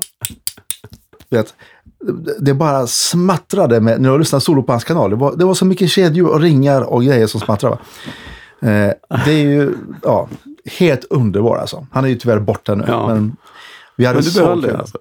Det var, Jag behöll allt. Ja, ja. Det hörs inte faktiskt. Det, det var inte så... När han väl började spela så hördes trumpeten framförallt. Men sen tog vi också med oss han som var orsaken till att jag eh, blev så kär i, i, i jazz, men framförallt kär i att improvisera. För jag tycker att det är inte bara jazzen som har element som improviserade. Utan det finns ju många typer av musik som använder sig av det elementet. Och jag, det jag egentligen brinner för Mm. väldigt mycket. Att man kan få fria händer och tolka musiken på sitt sätt. Och det är Urbaniak, eh, Michel. Eh, han var ofta i Sverige, eh, hängde med min pappa och man fick jamma med honom. Och, och han bodde i New York då, men han var ofta i Sverige för att han tennis, spelade tennis. Eh, och spelade med alla mina förebilder.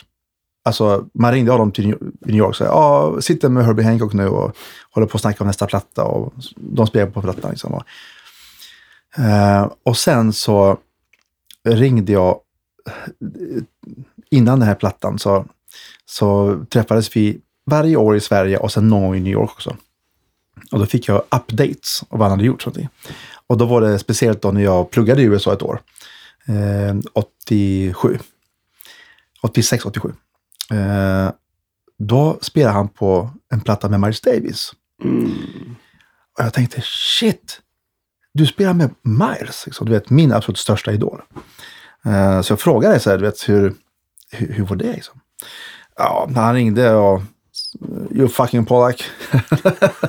Get over here. han sa faktiskt inte vilken studio, det fick han ta det fick, det fick han kolla upp själv. För Miles vet att alla vet vad Miles är. Yes. och det, det är i och för sig inte så konstigt för Urbaniak eh, hittade några musiker eh, och tog in dem in i branschen. Eh, vilket de alltid var väldigt tacksamma för. Och eh, det är Marcus Miller. Jaha. Han var bara så här, 16, 17 gammal när Urbaniak tog med honom i hans band. Eh, och eh, Kenny Kirkland Mm. också med hans band. Eh, Omar Hakim. Det, då var de Young Boys alltså. Det var ju med i Urbaniaks eh, så att säga, egna band under lång tid. Ja. Och man, han är ju helt... Ja. eh, Ja, fantastiskt. Trumslagare är helt galet bra. Alltså. Ehm, ja, Så att eh, Marcus Miller som, som lirar typ alla instrument på demon och även på plattan, de flesta instrumenten, just på Toto. Plattan heter Toto. ja. ja, men det, Eh, jag vet, den, den, är ju, den var ju lite poppigare också. Ja, den är poppig alltså. Det var ju många som Den tyckte låg ju att... typ på hitlistorna. Ja. Ja. När han kom till Miles och, och spelade upp låtarna, de skulle bestämma vad som ska vara med på plattan. Så sa Miles bara, ja, ja, det, det är taget. Eh, ja, men vilka ska lira? Liksom? Ja, jag vill ha samma som på demon. Ja, det är bara jag. Tydligen. eh, men sen tog de in George Duke och Urbaniak och ja, men gäster. Ja. Eh, och plattan är väldigt 80 alltså verkligen. Oerhört. de sounden och allting. Liksom. Ja. Han fick mycket skit för den. Eh, Ja. Marcus Miller. Mm. Att nu har du sabbat jazzen. du vet. Och det är det Ja, jag... det är ju lite som när Dylan blev elektrisk. ja, Det är lite samma ramaskri. Stort steg alltså. Där. Ja, vad händer? Liksom? Kommersiellt. Ja. Ja. Men det kan jag säga är en, en eh, kanske nämnare för allt som jag håller på med. Det är att jag faktiskt aldrig sett musik på det sättet. Jag tycker inte att det gör någonting om man eh, ena dagen tycker att det är underbart att spela Bill Evans piano och eh, nästa dag spelar orgel med, med Sanna. Eller med Melodifestivalen som vi var med. Vi tävlade ju faktiskt en gång. Ja, Jag har varit med och tävlat i Melodifestivalen. det. Vad hette det? var ju med... Peter Getz Just det. and the Midnight Band. Så var det. Det var du och Peter och Magnus Johansson, Magnus Johansson såklart. Ja. Bennett Fagerlund Just det. och Milan. Peter Millefors. Ett band. Eh, vi startade ett band när vi jobbade tillsammans och ville bara ha ett skönt band där vi, all musik skulle spelas i bossa-versioner. Det var det som var tanken. Why not? Och så Ja. håller vi på med det och så får vi ett samtal från Skara. Liksom. Ja, kan ni tänka er att ställa upp och tävla med en låt som jag har skrivit? Eh, Micke Wendt tror jag var som skrev den. Fan, jag är osäker. Ja. Låten heter Tillsammans i alla fall. Ja. Och han hade skickat in den i flera gånger och nu kom den med. Och detta var det sista året som de hade band i Melodifestivalen. Ah, Så, 2001 eller något. 2000, ja, 2000. Ja. Jag fick inte vara kvar i bandet. För att eh, om jag skulle tävla på scen så kan man, då skulle jag kanske spela sämre på andras bidrag. Ja, ja. Eller något. Ja, och Bert Karlsson tittade på mig och sa att ni kommer inte få ett poäng. Det fick vi. Hur gick det då? Ja, vi kom sexa. Ja. Om man nu tänker, för då var bara tio, Ja, ja. den tiden var det bara tio Ja. bidrag. Just det, det var en kväll bara, precis. Ja. Kul! Ja, det var en kul kväll alltså. En god vän till mig i Göteborg, Thomas Terud, ordnade en scen, trummor, keyboard, gitarrer, allting på Ja. hotellet. Så varje natt kunde vi jamma också efteråt. Vad bra, för säkerhets skull. Så för säkerhets skull.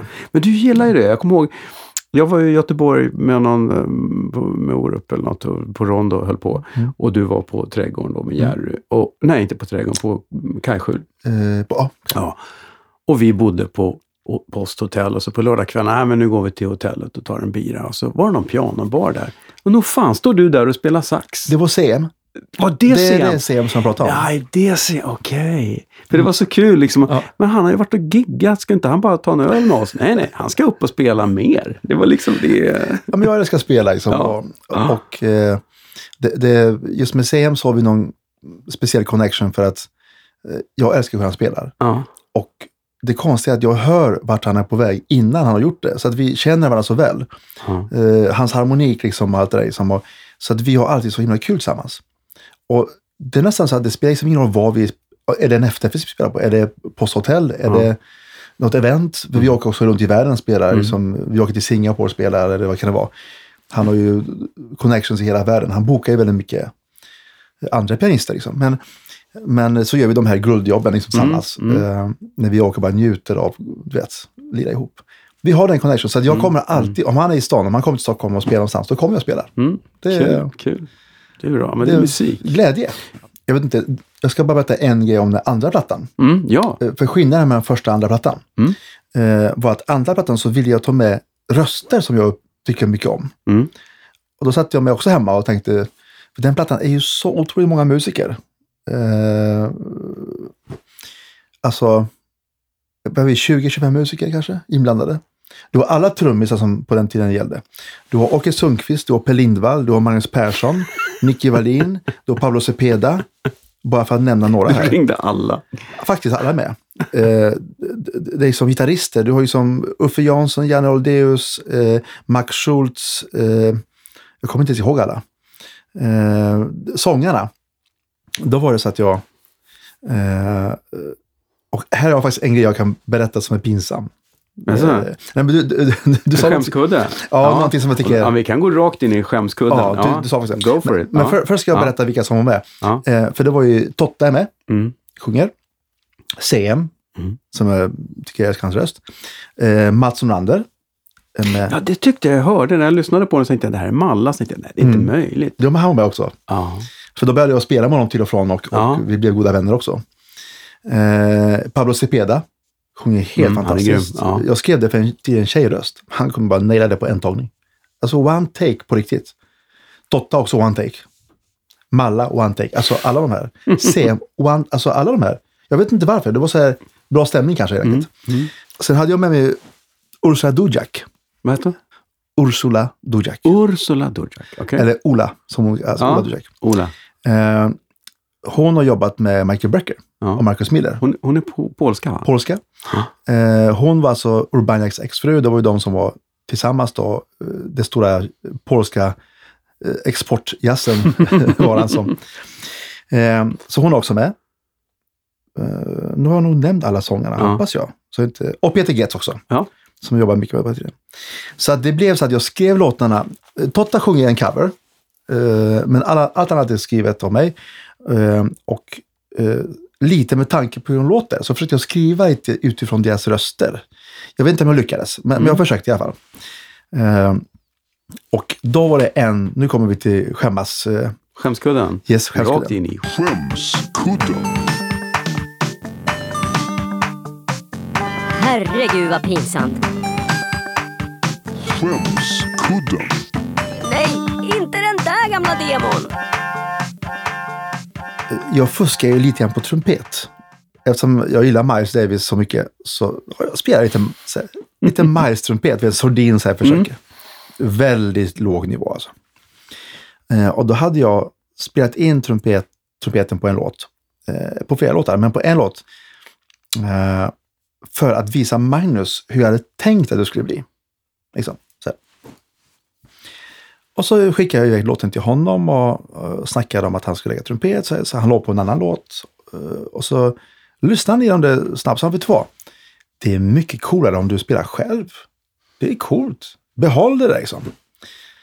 Och jag tänkte, ja, alltså det är verkligen så här. Alltså jag kämpar med instrumentet alltså. Eh, så tänkte jag, ah, okej då, ja men jag behåller det liksom. Och sen när jag, plattan var mixad, masterad och allting, så lyssnade jag på det. Och det är det enda stället jag, varje gång jag kommer dit så spolar jag upp. Är det så? Jag Du skäms. pallar inte? Jag pallar inte lyssna på det. För att det verkar som man hör att det, jag spelar en frost om och om igen och det är inte så bra alltså. Det. Sen hade jag övat en stund så, på trumpet, då spelade jag på en annan låt eh, med, med Cepeda. Ja. Eh, Och där får jag till det, liksom, för då börjar jag liksom lira helt okej. Men just den första med Malla och, och det är första låten på plattan och det första. och det, det tycker jag fortfarande är så här, Ja. jag spolar förbi det om, jag, om det går upp. Eh, så att vill ni höra mig spela trumpet eh, ganska dåligt så är det Hit Me With Your Evil. ja. Eh, featuring min, eh, också en av mina idoler, Mats Ronander. Ja, samma här. Oj. Eh, Underskattad bluesman. Mm. Alltså det, jag har så mycket stories bara om honom som jag... vet. Han är en vandrande story. Ja. Eh, otroligt många olika typer av musik. Mm. Eh, alltså, det, är verkligen, bredden är enorm. Liksom, Mm. eh, och eh, det roliga var just när, för några år sedan, när jag kom hem, och då hade jag bara förstått, då, då satt jag i en studio som på den, eh, alltså på den tiden satt jag i en studio i, som heter Kosmos. Och man övar så, ibland var det någon producent som bara tittade ner. Ja, har, du en, har du fem minuter? Ja visst, kan du komma upp? Ja, eh, spela. Ja, så gjorde man det. Ja, tack. Uh, skickar, vad vill du ha för det? Liksom? Ja. Så hade man någon standard. sådär. Eh, och så gick jag, var det en producent som tittade ner. Ja, kan, kan du komma upp lite grann och spela? Ja, så jag, vem, vem är det med? "Ja, Men strunta i det, du, nu, kör bara. Och så sjöng några fraser så körde vi på liksom. Och eh, långt senare, typ alltså några veckor senare, någon månad senare, eh, så frågade jag. "Vi- Vilka spelar vi in med? För att det var bara fraser. Alltså jag, Ja. du vet. Ja, men det, det, det Samir och Viktor. Ja, det roliga är att jag visste inte vilka Nej, det var. Nej. Men mina kids, Ja, de visste. exakt. Va? Och typ en månad till sen så, så kom det en låt. Och då säger de så här, spelar du på saxofucking-phone? jag bara, nu, nu driver de med mig. Heter den saxofucking-phone? Ja, den heter det. Så att allt från saxofucking-phone till eh, en ballad med, med Anders Jormin. Eh, tänk dig som det spektra liksom. Och i nästa stund så spelar du med, eh, ja du vet, med, med artister som är väldigt noga med att de, vilken musik de spelar och vad de gör för någonting. Men sen finns det några inspelningar som, som, man, som jag verkligen eh, minns väldigt väl för att man var så nervös. Mm. Och en inspelning som jag tycker också är lite jobbigt att lyssna på det. Det är när Anders Berglund ringde mig och sa att jag skulle spela ett solo på en platta med Putte Wickman. Det hade varit med på plattan på några låtar. Men så var det något extra solo som någon inte hade gjort. Eh, så kom jag dit. fanns inga noter, ingenting. Eh, utan det var en mikrofon, en kanal. Jag och Putte. Stod framför micken. och ska spela solo efter varandra. Oh. Eh, alltså, Då jag var, blir så, man lite ödmjuk. jag var så nervös så att... Och tänkte jag, shit, jag lyssnade nästan på låten, liksom, tänkte vad är det för harmisar egentligen? Du vet, och så, okej, ja, men det låter som, ja, okej, jag tror jag vet koll. Går in och står vid one take så här. Och det låter ganska okej, det jag spelar. Då säger Putte, "Ah, vi tar en till va? Och då vart jag nervös. För jag tänkte, nu har jag fått till det en gång. Och då vill jag inte upprepa mig, man vill spela något nytt, man börjar tänka. Du vet, det tänkandet är inte alltid bra. Alltså. livsfarligt. Och jag spelar ju givetvis mycket sämre den andra tagningen. Och de har en kanal, så den första är borta. Det finns ju inte kvar. Eh, Ja, för man spelar över. Ja, just Ja, men alltså, man spelar bara liksom- Som förr i världen, ja. Det är inte hårddisk. att, och sen fick man inte välja heller, utan det var ju producenten som var det. Mm. Men jag spelade väl helt okej. men magen, alltså jag gick hem och bara kände liksom shit, här får du så fantastisk chans att få lira med ja, den största, kanske en av, ja, den stö- en av de största i världen. Mm. Eh, och så gick det så här. Fan också. men eh, Men det är med på plattan. ja, Mm. absolut. Men sen så gjorde vi ju flera låtar på plattan och, vissa blev bättre, andra blev mindre bra för min del. Men, men eh, det var en stor ära att Mm. få spela med Putte Wickman. Jag, jag påstår ju att jag, alltså jag tycker själv att jag har tur. Mm. För att det var ju tur att jag var ute med Claes Malmberg. Mm. Jammade med Totta. Så fick jag jobb med Totta. Jobbade där. Det öppnade vägar för mm, väldigt många andra saker. För Totta är, är så mm, kultig. Så att det var en, ja, det var stort att spela med honom. Ja, det var en godkänd stämpel i rumpan. Ja, Mm. det, det var ju det. Eh, och sen, som sagt, jag har ju spelat med allt. Från att spela in dansbandsplattor till att spela in Arena Grande och, Mm. och eh, allt däremellan. Jag spelade med Monica Zetterlund vid ett tillfälle. Eh, och det var ju sådana grejer som jag aldrig trodde skulle hända. Nej. Hasse Gadammar Mm. ringde mig och frågade om jag kunde vara med på ett tv-program som heter 50 år Fred i Europa. Eh, alltså detta var 95, alltså då Mm. 50-årsjubileum. Och eh, en av artisterna var Monica Z. Mm. Och när jag hörde dem säga det, shit, är det sant? Wow! Ja, ja och så kommer Lasse Bagge och arrar också. Just det. Wow, igen liksom. Lasse Bagge är en av mina absolut favorit, alltså största favoriter som arrangör. Mm. Eh, och Monica Z då, eh, trodde jag aldrig att jag skulle ens få träffa. Eh, för att det var ju så pass långt efter att hon i princip slutade sjunga nästan. Mm. Alltså. Hon gjorde Live ju knappt någonting på Ja. den tiden. Eh, och så kommer vi till repet och eh, det är egentligen det jag vill berätta om. Eh, Lasse Bagge står och röker pipa. Bredvid honom så hänger en jätteskylt. Rökning förbjuden. eh, och så kommer han som har lokalen och bara, ursäkta mig, eh, man får inte röka här. Jag vet. och så repar vi där. Och, och så är det någon som berättar för Lasse Bagge att, att eh, han spelar oboe också. Va? Oboe? Då tar han fram ett notpapper. Ja. Det är alltså, vi ska precis börja spela låten. Och det är bara så här. Så. Kan du spela det här från i eh, B-delen där? Uff. Då har han liksom arrat oboe. Bara på, på, på känn. Ja, ja. Ja, det var ju skitsnyggt skrivet. Och, Ja. ja. men vet, han, han var ju fantastisk. Yrkesman kan man säga. Yrkesman.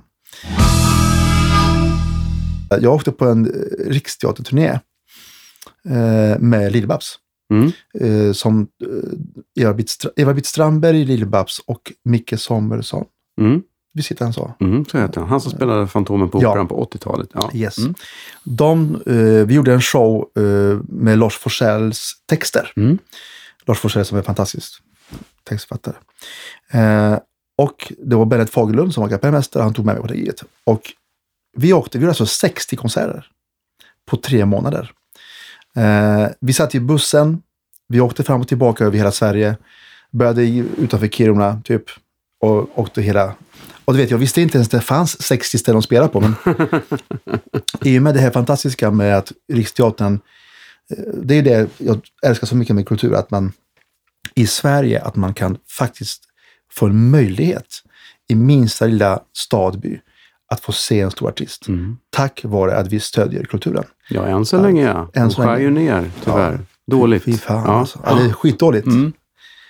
Eh, och den glädje man såg hos människorna när man kommer till en liten stad. De har en korvkiosk, de har en ett, alltså, pizzeria och så har de en liten teater eller en aula. Mm. Och där står Lill-Babs. Mm. Alltså, folk grät i publiken. Det, må, få- det, får, det får, ta inte bort det.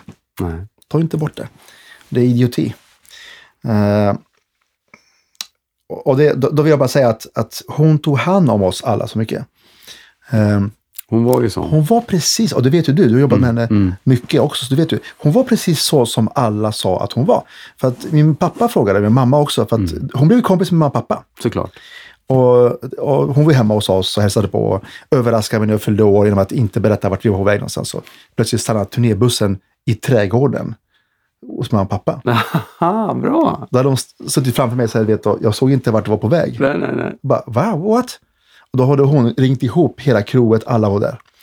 Det är Lill-Babs liksom. Ja, visst. Barbro. Eh, Bäst. rätt ofta så pratar hon telefon på engelska. Så jag frågade vem pratade med?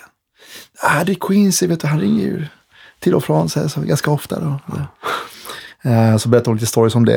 Eh, nej, det var en sån otrolig härlig människa att jobba med. Mycket. Ja, men apropå Lill-Babs jag får ju... Jag får ju mm, Sanna pratar ju om en, en, en, en Lill-Babs, ett Lill-Babs-möte i, sin show nu också och eh, man får nästan en tår i ögat varje kväll. Mm, faktiskt. För det, är- hon har också varit med om den där.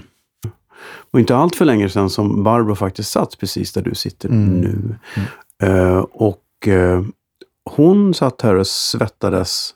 Hon brukar ju säga att hon var bastuvåt när hon klev av scenen. Det var hon ju fan här. Eh, hon Mm. Bangar hon inte för att det som följer nu, nämligen att gå ut i den kyliga luften och kliva ner i det isvaken här utanför. Ja, men det, är ju, det du är därför jag är här. Snacket är ju bara som ett intro till En ursäkt. att få den här kicken. Bra. Självklart. Men hörru du... Och varmt är det ju alltså, så det Ja. har varit väldigt skönt att ha. Ja, tack för att du stod ut Wojtek och kul att ha dig här. Och nu går vi och badar isvak. Det är jag som ska tacka. Eh, hoppas du får ihop någonting roligt av det här. det blir bra. Tack. Ja, det bra David. Ciao. Bastusnack. Wojtek Goral, du hör honom oftare än du tror. Bastusnack sponsras av Tylö Helo Bastu. På tylö.se så hittar du precis allt du behöver för den ultimata bastuupplevelsen. Infrabastu, ångbastu, elbastu och vedeldat och mycket, mycket mer. Allt finns, valet är ditt. Surfa in på tylö.se. Tack för idag! Vi hörs igen om en vecka eller två med en ny spännande gäst. Tills dess, basta försiktigt!